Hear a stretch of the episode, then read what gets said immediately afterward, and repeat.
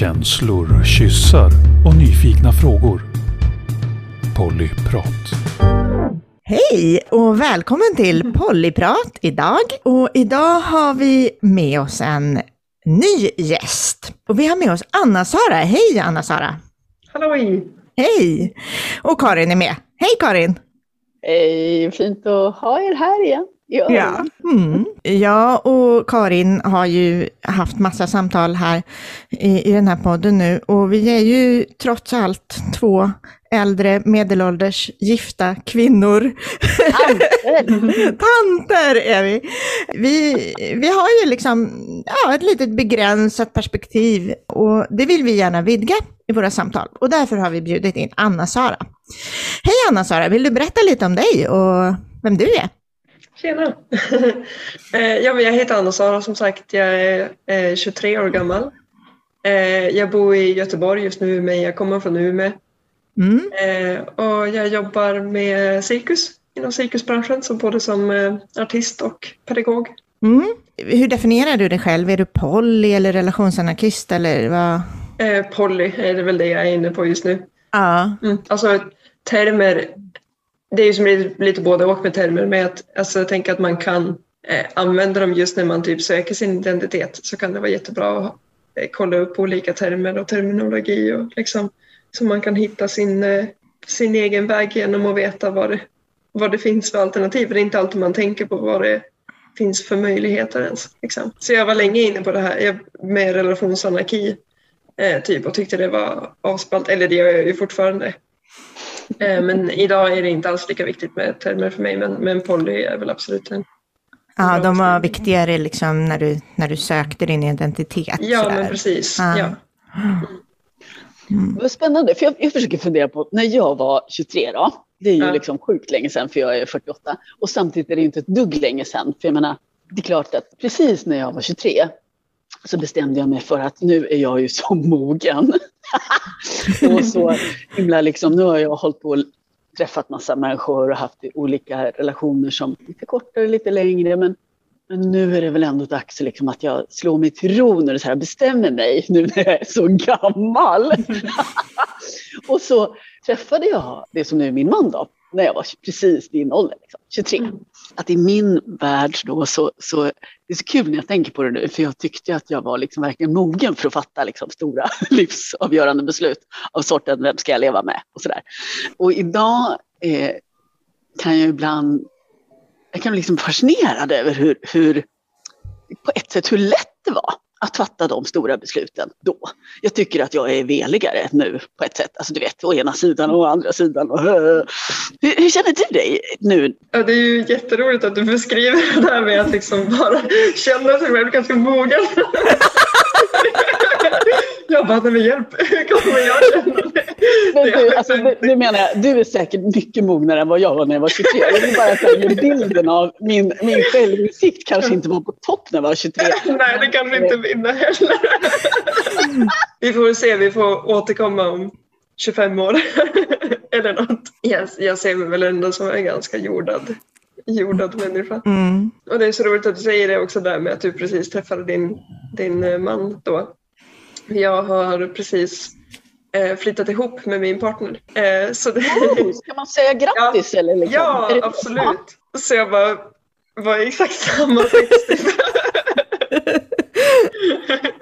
Men du har eh, varit poly, hur, hur, liksom, har du varit det från en viss tidpunkt? Varit någonting som du och din pojkvän har kommit på tillsammans eller har du varit någonting som du har tog med dig in i er relation? Det, det tog jag med in. Alltså jag har ju känt att jag har varit flersam i basically så länge som jag har varit. Alltså jag har varit säker på min romantiska läggning eller vad man ska säga så länge som jag vet vad jag har för sexuell läggning också. Mm. Jag var ju, jag var ju typ 15 tror jag när jag liksom första gången reflekterade över att shit, jag har romantiska känslor för flera personer samtidigt. Mm. Och vad fan gör man åt det här? Ja. typ. Men, eh, men då hade jag turen då att jag, jag hade jättefina vänner runt mig och speciellt en eh, kompis till mig som introducerade mig till relationsanarki. Mm. För jag pratade med henne om, om just det här med att så här, det här är ju nytt och konstigt, typ kan man ens, kan, får, får man ha det så här? Får man känna så här liksom? Ja. Och då sa hon bara, ja ja, du får väl göra precis vad du vill. Ja men exakt. ja, men Ja, för- relationsdepartementet har bestämt att Ja, det, det här får man göra och det här får man inte göra. Ja, men då kände du Ja. så. Och du fick, du fick, Det fick jag. För, alltså, och när jag pratade med min kompis om det så sa hon bara ja, ja, men och så introducerade hon mig till termen relationsanarki. Och Ja. sa liksom att så här, du får ju bygga en relation precis hur du vill så länge alla involverade är med på spåret. Liksom. Då kan du ju göra vad som helst. Liksom. ja. Nej, det är ju det där, har man, har man samtycke så kan man ju göra vad som helst. Ja, eller hur? mm. Och liksom, är, det, är det samtycke och är det liksom om man liksom går igenom det med sig själv och säger att ja, men det här är sunt och det här är någonting som jag mår bra av och som mina, mina, de runt omkring mig mår bra av. Mm. Så, det, så jag var... Så hur blev det då? Vad gjorde du då? Alltså, ja, alltså det var ju en eh, lång resa framåt för då, då när jag var introducerad till relationsanarki så hade jag en partner som vi var liksom eh, utsagt monogama med. Eller monogam med.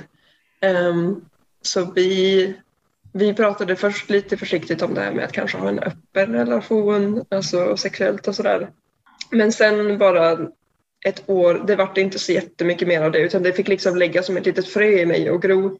Mm. Och så något år senare så gjorde vi, eh, så bröt vi upp och gick skilda vägar och då fick jag liksom en, en period då jag kunde vara för mig själv och fundera på men vad vill jag och vad behöver jag? Så då när jag träffade en, en annan person något år senare så då gick jag liksom in och sa det direkt till honom att så här, okej det här är dealen.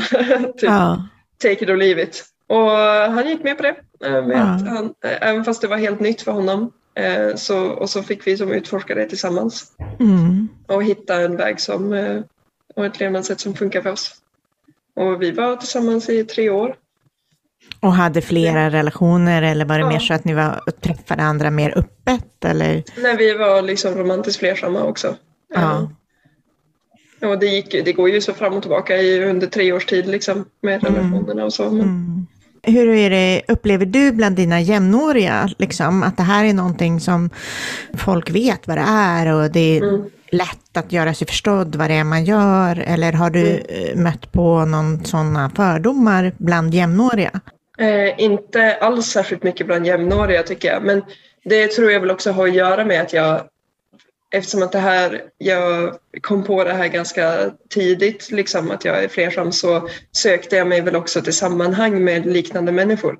Ja. Då har det väl blivit så att min vänskapskrets också, speciellt nu i liksom vuxen ålder, så har min vänskapskrets liksom byggts runt så de koncepterna av al- alternativt leverne eller vad man ska säga. De jag har runt mig vet, vet vad det är och är liksom respekterar och inte har så mycket fördomar. Men den här, den här den partner som du lever ihop med nu, när du Ja. träffade honom, var han också liksom flersam sedan tidigare?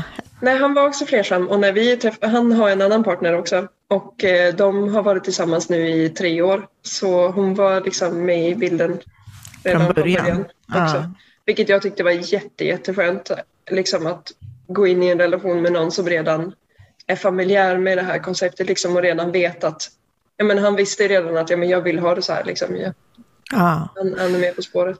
då slipper man ja, försöka plantera en idé hos någon som... Jo men visst och kanske inte veta liksom kommer det gå eller kommer det inte gå och sådär. För det är ju inte alltid som känslorna överensstämmer med det praktiska. Liksom. Och vi får ju mycket frågor som Mm. handlar om det här med att vara öppen mot omvärlden.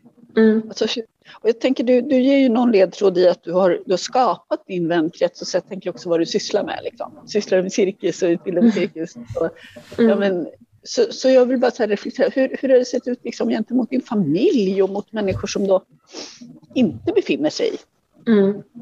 din... Ja, Förstår du? ja, jag förstår.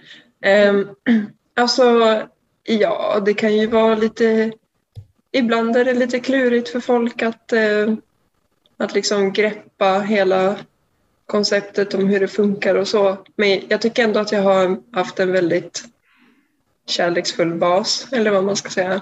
Mm. Även om människor i min, i min närhet familj och så kanske inte alltid eh, förstår, alltså förstår liksom i praktiken eller liksom kan inte riktigt greppa liksom hur det funkar. Speciellt kanske människor som har levt länge med, med tanken om att ja, men monogami, det är liksom det spåret som man går. Ja, men att de inte liksom kan greppa hur det, hur det funkar eller hur man ens kan känna så. Liksom hur man kan känna kärlek för flera personer till exempel utan att de liksom eh, relaterar till varandra eller vad man ska säga.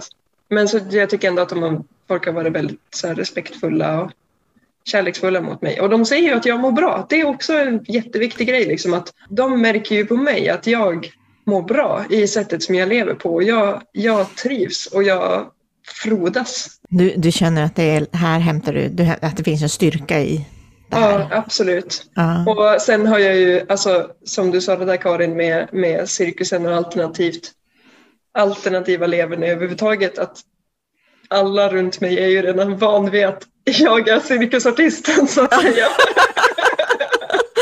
Cirkusartisten hon. Ja. Men, men, har du tvivlat någon gång? Jag menar, du sa att du var 15, 16 och nu är du 23 mm. och det, har ju, det är ju några relationsår och som du sa också man formar sin identitet mm. och sina sociala kretsar och har du känt att du har tvivlat någon gång? Jo, men speciellt från början kanske att man så inte riktigt förstod, ja men man har blivit lärd en mall liksom, som man ska följa och så går man utanför den mallen eller känner att man inte hör hemma i den mallen. Och då blir man så här, men varför? Varför hör jag inte hemma i den mallen? Liksom, mm. är, det något, är det något som har gått fel? Är det något som jag har missuppfattat? Är det något som jag liksom något annat uppdämt behov som behöver ut på något vis som liksom tar sig uttryck på det här. Mm. Men, eh, men sen alltså över tid och med liksom stöttning av, de, av mina vänner och folk runt mig och så, så har jag ju kommit fram till att men det är ju bara så. Och det känns, det är ju som en läggning på något vis, liksom. för mig i alla fall. Det är det säkert inte för alla, men för mig har det känts som att när jag har bara, när jag respekterar och accepterar det här hos mig själv, liksom, så då är det ju bara, det är ingenting som liksom mm. går att göra så mycket åt. mm. Mm. Ja, för mig så är det ju så här, nu när jag är på den här sidan, nu, mm. det har gått alla de här åren, men, och jag har valt det här, så, så känner jag ju också så otroligt starkt att det finns ju ingen väg tillbaka. Liksom. Eh, däremot kanske det finns en väg in i att jag bara lever med en person. I, det, det finns ju, men det finns ju ingen väg men, liksom mentalt och intellektuellt jo. tillbaka till någon form av monogam tänkande i förhållande till mina egna känslor. Jo, men exakt. Mm. Jag, jag, tänker exakt samma sätt där att det, det som är i praktiken, det kan ju gå, det går ju fram och tillbaka och hit och dit. Liksom. Mm. Att så här, ibland har man en partner, ibland har man ingen partner, ibland har man flera. Liksom. Tankesättet på något vis är, liksom, är där. Om du skulle så här, ta ut här och tänker att det är ett antal 15 till 23-åringar som lyssnar här. Mm. Eller för den delen föräldrar till. Du, du låter ju som att du har haft så här, både lite så här polycoacher eller åtminstone relationsanarki-kompis där liksom från början. Mm. Någon som kunde säga ja, men det är helt okej, det här finns. Och, så där. Har du några goda råd till så här, hur gjort den här resan med mycket mindre ångest än många andra har mm, hört? Verkligen. Kärleken och liksom relationerna är väl det viktigaste tänker jag. Jag tänker typ i familjerelationer och sånt också att det, det viktigaste är att vi vi visar varandra liksom respekt, ödmjukhet och kärlek på något vis. Liksom att mm. det, finns, det finns så många olika sätt att leva sitt liv på och i alla delar av livet. Liksom. Mm. Och det är inte alltid som vi håller med varandra i de olika sätten som man gör det på. Liksom. Ja, jag tänker att man får liksom, man ställer sig frågan också, liksom, är, det, är det någonting som är skadligt? Liksom? Mm. Eh, även om man inte håller med en annan människa i deras liksom, sätt att leva sina liv på. Är det någonting som, som skadar den personen bara för att det är annorlunda eller nytt eller du kanske tycker att det är lite konstigt. Liksom. Eh, men om man, om man ser liksom att det här är någonting, någonting som gör gott så... Och sen liksom livet är ju, alltså man ska ju hitta sin egen väg att gå. Och då måste man ju på något vis också få utforska. Ja. Eh, och den vägen, alltså måste man ju få gå själv. Så då tänker jag att det är nog säkert väldigt viktigt också att få, få stöttning i det, få stöttning i sin egen utveckling. Liksom. Absolut, jag menar, en del utveckling är ju vilsen också. Alltså, Absolut. Ja. eh, och ibland kan man tappa bort sig i monogami. Ja. Du vilse. Gud, ja. Ja. Jag har sett en film eller två och läst en bok eller två som handlar om relationsproblem i monogama relationer. Ja, gud ja. ja. Om jag bara tänker på mina kompisar och liksom människor jag har i, i min närhet när de har de, den mesta liksom ångesten eller oron som, är, som jag möter på i polysammanhang är ju baserat kring vad ska andra tro. Man vill, Ja. man, man vill ju så gärna liksom vara med sina nära och kära och man vill att sina nära och kära ska liksom respektera en och liksom bemöta en med liksom kärlek och förståelse. Det är nog det viktigaste. du, du sätter ju liksom fingret på något jätteviktigt här. Om vi tänker på den här oron. Det här att, tänk om jag, för, för det som du kommer ner till blir ju det här, tänk om de tar avstånd från mig eller slutar älska mig. Mm. Eller liksom att vår relation blir så spänd på grund av vilka jag älskar eller vilka jag tycker det är så himla viktigt att lyssna på att vi runt omkring varandra, vi gör skillnad. Hur vi möter varandra när vi, det är någonting vi inte förstår.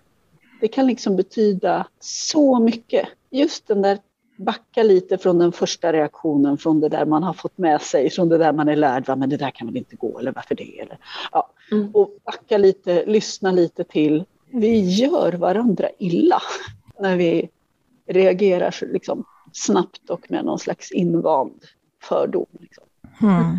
Jag tänker- just att bara oron inför det, du där ute, hur du pratar om människor som Norma viker. Det sitter någon och lyssnar bredvid som Ja, skulle behöva exakt. berätta något. Och man vet inte vem det är som går och bär på de här sakerna. Liksom. Och en jätte, jättebra grej du tog upp här med det här med att man får backa. Man, man, alltså man, man får säga tack, tack, nu måste jag smälta det här. Liksom. Mm. Eh, Jag tänker att jag, jag förväntar mig ju inte, liksom, om jag, när jag berättar för mina nära och kära om det här som inte ja, men som lever kanske mer normativt än mig. Jag, jag förväntar mig ju någonstans inte liksom att de ska bara Jaha, asballt, jag hoppar på tåget eller något. Alltså så här, jag förväntar mig inte att de ska förändra sig på något sätt. Och jag förväntar mig kanske inte ens att de ska förstå. Eh, för det är inte det som är poängen, utan poängen är att jag vill få känna mig fri att vara den jag är och jag vill få känna mig fri att leva, leva det liv som är gott för mig. Du, du pratar om det här med fria, fri, fri kärlek. Har det varit ett ledord? Ja, alltså det är väl viktigt för alla människor på jorden, tänker jag. Mm. Ja, men jag har- tänker för dig. Jo, men absolut. Någonstans liksom makten över mitt eget liv, typ. Och liksom att få ha eh, makten till att, till att få göra det som är gott för mig och det som jag mår bra av. Det här med sambopaketet. Förväntar Ja. Är det så här att nu går ni all in med fredagsmys och taco och... Eh, Här målar Karin upp sina normativa för- fördomar om samboskapet. eller hur? Jag, jag kan ju inte riktigt känna igen det eftersom tacofredag inte riktigt är- ingår i min. Men det är ändå någonting att förhålla sig att flytta ihop med någon, att liksom Mm. en, en väldigt tydlig så här, den här människan vill jag vara väldigt, med väldigt mycket. Blir det liksom, hur, hur hanterar du det? Det finns ju hela den här primär, sekundär Mm, mm. också. Nej, men det har som varit en lite rolig process, speciellt för män. Alltså det här med primär och sekundär och sånt. Ja. Vi lever ju eh, liksom icke-hierarkiskt.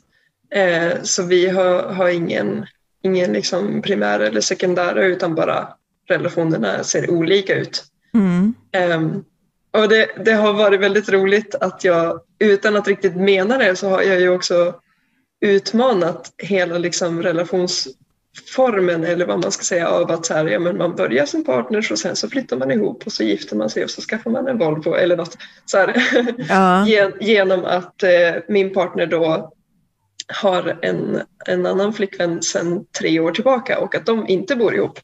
Ja. Eh, och att vi har varit tillsammans i typ ett halvår och vi bor ihop. liksom. Och människor i min omgivning bara, men, men, men, men får man göra så? Ja. typ. Jag bara, ja men klart man får. Liksom så här. För det, det, för oss har det som varit ganska naturligt att ja, men deras, alltså dynamiken som min partner och hans andra flickvän har, eh, ja de bara vill inte bo ihop. Liksom. Deras dynamik Nej. funkar annorlunda. De trivs med att göra andra saker med varandra.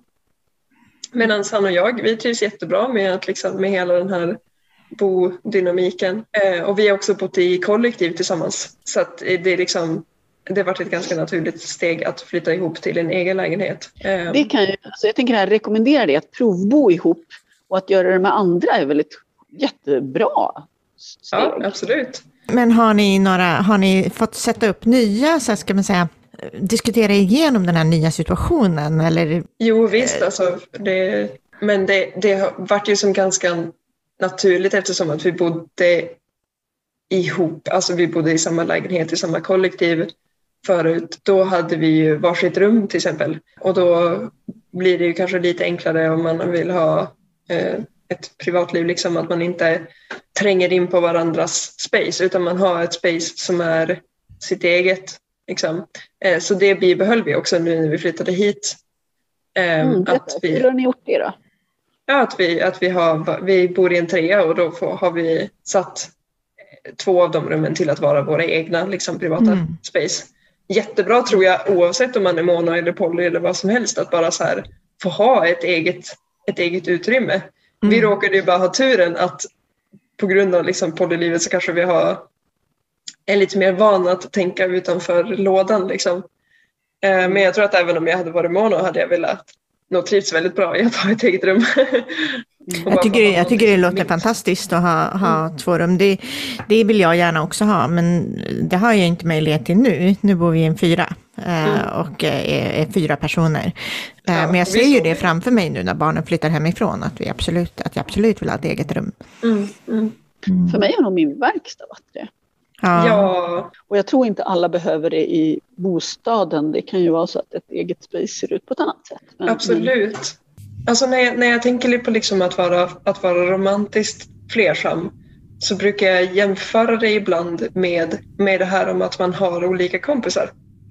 Alltså att, eh, att man, människor, alla människor, även liksom monogama eller vem som helst, har ju olika vänner som är liksom i olika, olika syften eller vad man ska säga. Att de fyller olika funktioner i ditt liv. Och jag tänker att så har man det ju också med kan man ju också ha det med romantiska eller sexuella relationer. Att man har olika relationer som fyller olika delar eller syften i ens liv. Och allt det kommer ju liksom ner till, till någon slags punkt om att ha om att ha typ självbestämmande rätt i sitt liv, om att ha en egen identitet, om att ha egna relationer. Liksom. ja. Ehm, jag tänkte på det nu, det här med att ha ett eget space också, som liksom du bestämmer över. Men, men, men om han då, då liksom, jag menar, jag, jag lever ju nog mera normativt i en familjelägenhet och det är jag och min man och vi är våra två barn. Och, och om då han bjuder hem en kompis till oss, liksom, han har ju kompisar, då blir det ju nästan lite oartigt om jag stänger in mig. Alltså, nu pratar jag inte om relationer, men det finns ju någon sån här förväntan att ja, men nu är det i vårt hem, då ska alla som är i vårt hem vara sociala. Mm. Eh, ha, ha, har ni liksom, fungerar det också? Eller, Nu har ni ju inte bott ihop så länge, men det är ju någonting som... Eh, Ja, alltså både jag och min sambo då, vi är ju två golden retrievers. Så- Ja, ja, ja. vi- extroverta. Ja, väldigt extroverta och väldigt sociala. Så vi är alltid glada när det kommer hem folk. Ja. Men annars så har vi liksom som typ intern, internt liksom förhållningssätt just det här med att våra rum är våra egna. Liksom. Eh, Vill man inte vara med så är det helt okej att hänga på sitt rum och då är det liksom för den regeln hade vi i kollektivet också liksom, där vi bodde fyra personer tillsammans. Ja. Så att, så här, stängd dörr betyder nu vill jag vara i fred. Ja. Så ni har med er den kulturen, det är ju faktiskt Ja. eh, väldigt... Eh, Jo, och det är väldigt skönt att veta liksom, för då behöver man ju aldrig liksom fundera på om den andra tvingar sig till att vara med eller sådär, utan vi bara, vi, vi är med när man, när man känner att man vill vara det. Och vill man vara i fred, ja, men då stänger man dörren om sig. Mm. Liksom. Och då kan alla liksom ha förståelse och respekt för det. Och det, är- det, du känner dig helt lugn med, det, det är inte så här att du känner, men nu vill jag vara social, jaha, och nu har du någon annan du vill vara social med, som du tar in på ditt rum och stänger dörren med. Och så, Nej. vem ska jag vara med då? Nej, jag får väl hitta på mitt eget. Ja. Liksom. Ja, nej, jag förstår, då får du Ja, nej, nej, jag känner inte alls det är något, Mm. något konstigt eller problem, problematiskt i det. Liksom. Vad skönt. Mm. Skönt. Och så får vi väl se, det lär väl dyka upp liksom situationer along the way när man, när man lever ihop och bor ihop och sådär. Det lär ju säkert dyka upp situationer som man inte har tänkt på och sådär och bara oj, nu dök det upp någon känsla. Eller att man kanske liksom har behov som inte har blivit bemött någonstans och så eh, skapar det liksom oro någon annanstans. Det Ja. händer ju ibland också. Och så. Men det får vi ta längs vägen. Fint det låter. Jag tycker det låter så himla skönt för att ni har tänkt ut många så här. Det är ju förebyggande arbete tänker jag. Ja, jo, Ja, visst. men istället för att vi måste brandkåra när det händer. Oj, jag behövde nog eget space. Det visste jag egentligen. Men jag, nu är jag nykär så då skiter jag i det. jo, men visst. Men också sen att man, alltså att vi har ju lärt oss liksom att kommunicera med varandra. Så att man liksom kan prata om saker när det dyker upp, för det, det dyker ju upp saker. Hur gör ni när ni ska ta och, och, eh, och prata? Har ni system och vecko, liksom, veckosamtal och så här? Hur gör du i dina olika relationer? Ehm, Jag kör nog samma, ganska samma lika i, i allihopa. Och det är väl att man tar det along the way. Liksom. Antingen att man... Ibland så märker man ju på varandra att hmm, nu är det någonting som skaver. Mm. Eller att den andra kommer och säger nu är det någonting som skaver. Eh, och så kan man fråga varandra liksom, vill du, vad, vad behöver du? Vill du berätta? Vill du vara i fred? Vill du ha en kram? Liksom. Alltså, men jättemycket att prata. Prata, prata, prata, prata, prata. eh, ibland vara i fred en stund och sen prata. Liksom. Ja. Eh, ibland få en kram och sen prata. Men ofta kommer det väl ner till att prata. Förr eller senare. Ja, men att kommunicera liksom om vad man, vad man och, och faktiskt liksom lyssna på varandra. Och jag tänker att man, det har varit mycket träning i att inte gå in i, i försvar. Utan att liksom lyssna på, okej nu, nu känner du så här eh, på grund av det här. Ja. Jag förstår och hör det liksom. Och jag känner så här på grund av det här. Ja. Eh, hur kan vi möta varandra i mitten? Liksom. Ja. Vad behöver du? Vad behöver jag? Sådär. Och också ibland hur kan vi göra nästa gång? Mm. Och ibland så räcker det med att man bara säger Nu känner jag så här. Och sen bara oj, nu gick det över. Mm. Bara för att man får känna sig lyssnad på liksom. Så om du skulle titta så här, eh, lite bakåt nu då. Hur har de relationerna som du har haft, som du har lämnat, hur har det blivit med dem? Min, eh, min första romantiska relation eh, som jag ändå hängde ihop med i, i tre år. Eh, det- han är min bästa vän. Och vi, vi har tioårsjubileum nästa år. Mm. Oh. Eh, så det känns jätte, jättefint. Jag tror att vi var nog kanske egentligen bästa vänner från början också. Och sen så blandade vi väl ihop det lite grann. Det är ju någonting som jag upplever som en fördel med att, att liksom kärleken är fri på något sätt. Att det är mycket lättare att relatera till, till ex på olika sätt. Alltså det finns en transformation och det gör ingenting om det uppstår en laddning igen och det gör inget om det kommer och går eh, känslomässigt utan får vara som det är. Och det är Jo, liksom, men finns ingen fara, det finns inget hot i gamla kärleksrelationer mot nuvarande relationer. Nej, verkligen. Och, och att man på något vis, ja men att det får komma och gå bäst det vill på något vis. Att, att man inte behöver liksom så följa hela ballen av att ja, nu har vi gjort slut, då ska man ju inte hänga något mer. Liksom, eller, så här, Mm. eller, eller också nu har, vi, nu har vi romantiska känslor för varandra, jaha, då måste man bli ihop och sen måste man bli sambos. här. Jag tänker typ som med min partner och, hans, och, hans, och min metamor. Mm. Alltså att leva flersamt är ju också liksom att reflektera över att man inte behöver gå längs den liksom normativa mallen. Och det har ju varit asbra för dem, för de hade ju kraschat tror jag om de så skulle bo ihop, för de har en dynamik som inte funkar med det. Liksom. Mm. Men nu har de ju bara tillåtit sig att inte göra det och må bra istället och ha en relation som är hållbar. Ja. Liksom. Amen. Alltså någonstans här, ja, så himla klokt och ändå så Mm. svårt. Ja, Eller hur? Alltså så svårt att titta på sina relationer och tänka så här, vad ska vi dela och vad ska vi faktiskt inte dela? mm. eller hur? Det, det låter så himla enkelt när du säger det, men jag tror vi är många som behöver höra det. Men det tror jag också, det, det, alltså, det kan väl du känna igen dig i Karin, att hjärnan lätt, när man blir förälskad så skenar hjärnan lätt iväg i en väldigt normativ bana. Liksom. Ja, men, åh, jag, vill, jag vill göra allt det här, liksom, utan, utan att eh, backa. Och då hjälper det ju ändå. För mig så är det ju jätteskönt att, inte, att kunna släppa dem, den här relationstrappan hela Mm. tiden. Men jag är ju till exempel på andra sidan, jag tänker inte ha några fler barn. Jag har tre. Mm. Eh, och, och att ha beslutat mig för det, oavsett om man bestämmer sig för att jag ska inte ha några alls eller någonsin, eller om det är som jag känner mig nu, jag är på andra sidan det. Mm. Bara den saken är så himla skön. Jag har liksom tagit bort den delen och det är ju en del av en normativ relationstrappa, eller hur? Eh, alltså att ändå måste förhålla sig till, vill jag ha liksom en familj, på vilket sätt? Barn, det. Men bara den delen gör, det blir min, färre saker att förhålla mig till. Mm. För när jag träffar människor nu så behöver jag inte på samma sätt tänka, ja men om vi har en jättenära relation, ska jag, vill vi ha barn ihop då? Liksom. Bara det är så, kan vara så skönt. Mm. Ja. att slippa på något bakvänt sätt. Att jag inser att jag har förhållit mig till det.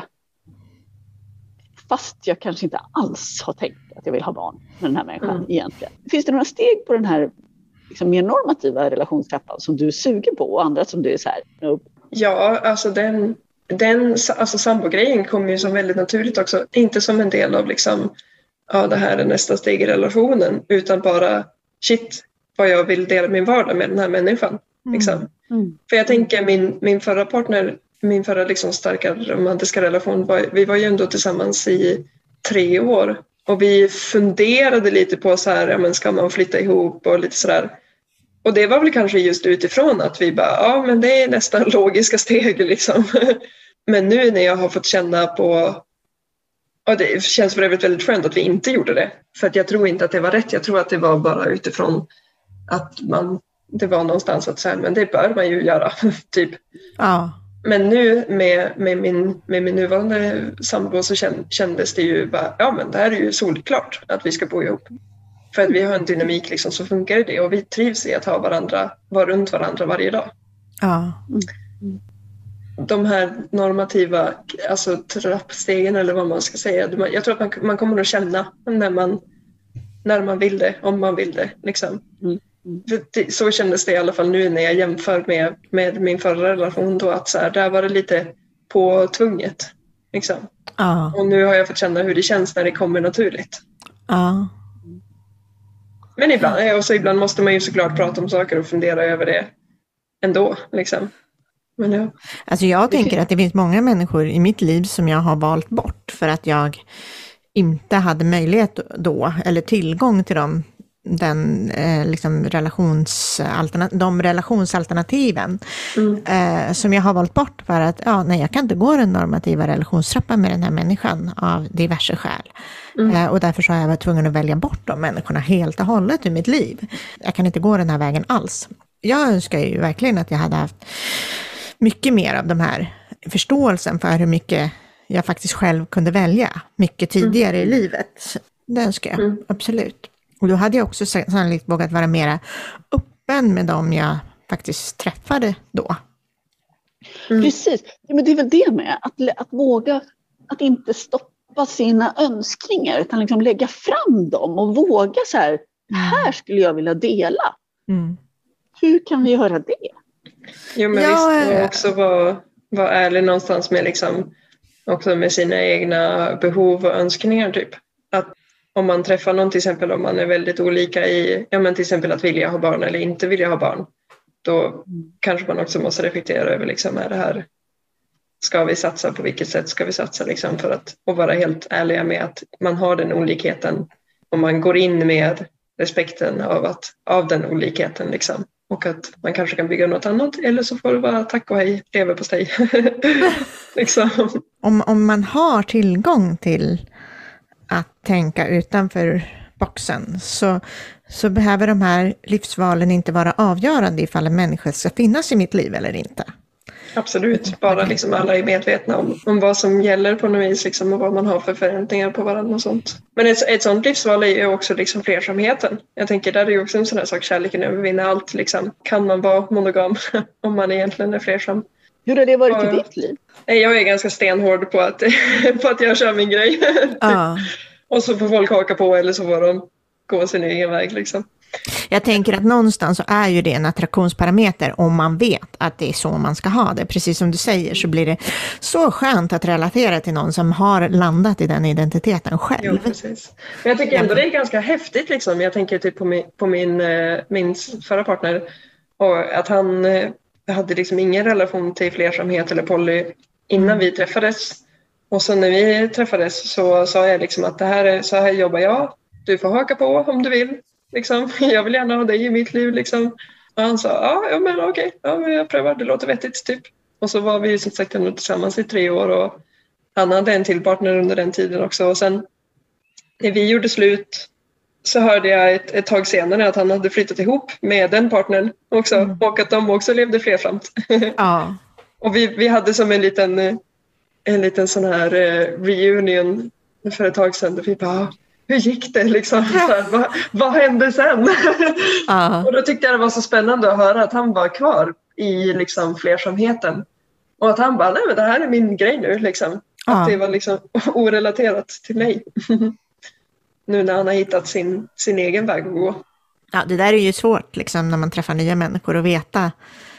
eh, Om, om, man måste ju stanna precis där man är och det man möts i. Man kan, det är svårt att veta ifall den här personen bara är i någon form av paus ifrån Mm. en mon, mono, monogam romantisk dröm eller om den här personen verkligen är på väg att ta en annan väg.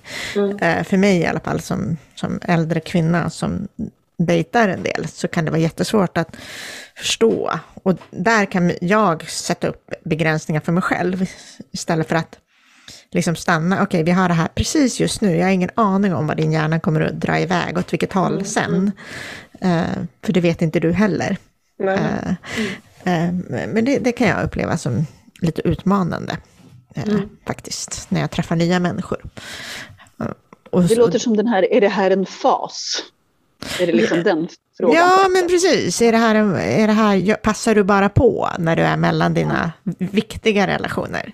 Och hur har du förhållit dig till det, Anna-Sara? Det här med ja, hur, hur viktiga blir relationer eller hur tydliga blir de och vad är lek och vad är... Ja, men jag tror att eh, respekten till varandra på något vis liksom är att vara tydlig med vad man har för intention. Och att vara liksom tydlig med varandra. Vad, vad går man in med för tankar? Vars, vars är man? Och vars vill man? Och ibland vet man ju inte och då säger man jag vet inte och så tar man snacket ett tag senare igen. Liksom, vars är vi nu? Vad vill vi? Jag tänker att det, det är mycket saker som inte egentligen är ett problem om man vet. Vad, liksom, vad har vi för förväntningar? Men det är väl det, alltså jag tror det vanligaste kanske problemet som jag har i mig själv är när jag bygger upp förväntningar som inte överensstämmer med verkligheten. Liksom. Eller förväntningar som jag inte har diskuterat med de involverade människorna. Och kan du ge något Eh. exempel? Det kan ju vara både liksom stora grejer, det kan ju vara små enkla grejer som typ att man går på ett event tillsammans och så har man kanske inte pratat igenom om liksom, är det okej att eh, så här, ska vi gå hem tillsammans? Mm. Eller ska vi, eh, är det okej att man om man träffar någon där som man vill eh, hänga med efter eventet eller gå hem med eller sådär. Liksom, bara sådana liksom, ganska simpla grejer ändå kan, kan ju ställa till det om man liksom har en förväntning. Och ibland vet man ju inte ens om själv vad man har för förväntningar förrän det liksom dyker upp. Mm. Precis, förrän man får gå hem själv och bara, Ja, det här var precis. inte vad jag hade, du vet, jag hade behövt få landa ihop eller vad det nu. Jo men exakt, ja. Och det är ju hela den här förväntningsgrejen egentligen bara. Ja. Liksom, att man, man har byggt upp en, en bild av någonting. Liksom. Men jag, jag upplever liksom att det också är extremt lätt att lösa om man har typ sinnesnärvaro. Liksom, att se det här. Eh, och gärna innan då att man säger eh, det, om man typ pratar om en film. Att man Ja. frågar ska vi se den ihop? Och då kan den andra människan, och jag brukar säga rakt upp och ner, bara, nej. alltså så här, för då vet man, alltså så, så jobbar jag och min partner i alla fall, att vi, så här, vi säger bara rakt upp och ner, nej, så här är det. Liksom. Eh, jag vill eller jag vill inte. Och då är vi båda, vi båda liksom trivs väldigt bra i den här barskheten på något vis, för att vi vill hellre veta. Ja. Alltså vi mår bra i att veta, så här är läget. Liksom. andra människor funkar säkert annorlunda och kanske vill ha det lite mer inlindat. Eller vad man ska säga.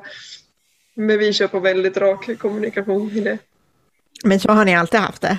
när ni har pratat med varandra. Det är liksom, Ja. du, har man ett språk som inte lindar in eller försöker ska, behaga eller försöker, Precis. för det är ju någonting Ja. som jag tror både jag och Karin lider utav lite grann, att vi har inmålad i en stark kvinnoidentitet där vi ska behaga och eh, eh, vara behagliga för andra. Verkligen.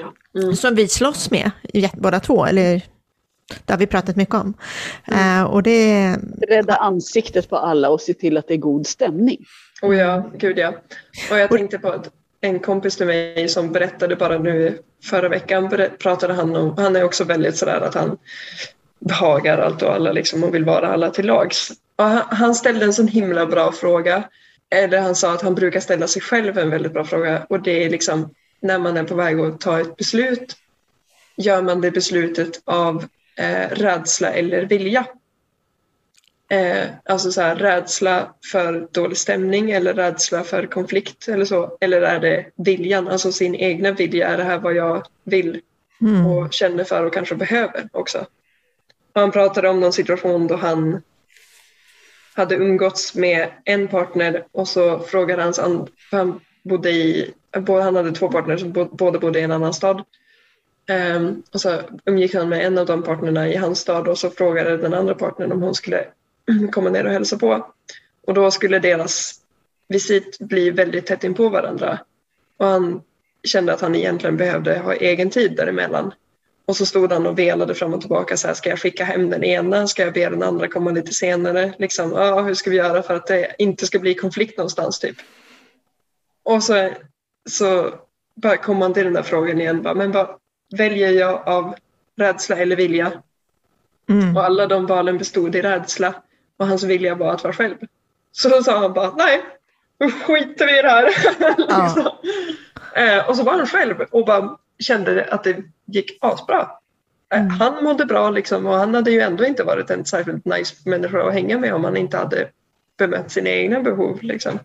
Det, det kan jag känna att jag i, i min, min relation med min man, vi har ju varit tillsammans i så pass många år, 20 år ungefär. Eh, och ha, att det kan verkligen växa fast sådana där toxiska, liksom lite förgiftade eh, konversationer ibland mellan oss, där vi liksom ingen av oss vill det egentligen. Men det kan ändå liksom dyka upp sådär känslor som baserar sig på någonting som hände någon helt annan gång eh, och rädsla för att man ska få en viss reaktion och, och så är man inne i det där lite giftiga, liksom, känslomässigt giftiga som, som faktiskt inte eh, liksom göder kärleken. Och så gör man val som inte är kärleksfulla mot varandra. Fast man tror det för att man är rädd. Mm. Alltså himla mycket klokt du har att säga så jag blir alldeles glad. Alltså jag tycker det är så otroligt inspirerande att höra dig som är, är ju så mycket yngre än mig. Och liksom, jag hoppas att du kan bära med dig all den här klokheten. För du är ju definitivt mer klok och mogen än vad jag och Karin var i din ålder. Inget, alltså no offense för hela den här historien vi började med liksom och jag bara, åh nej.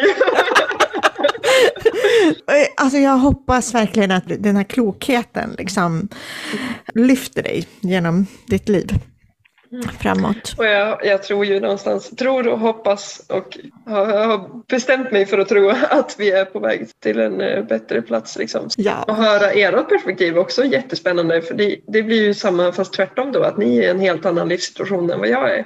Så det är ju spännande att höra vad ni har haft för tankar och reflektioner. Eh, Då tackar vi för idag. ja Tack så mycket. Eh, Och eh, till alla lyssnare, välkommen tillbaka nästa fredag.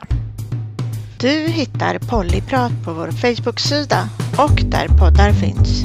Ställ gärna frågor till oss.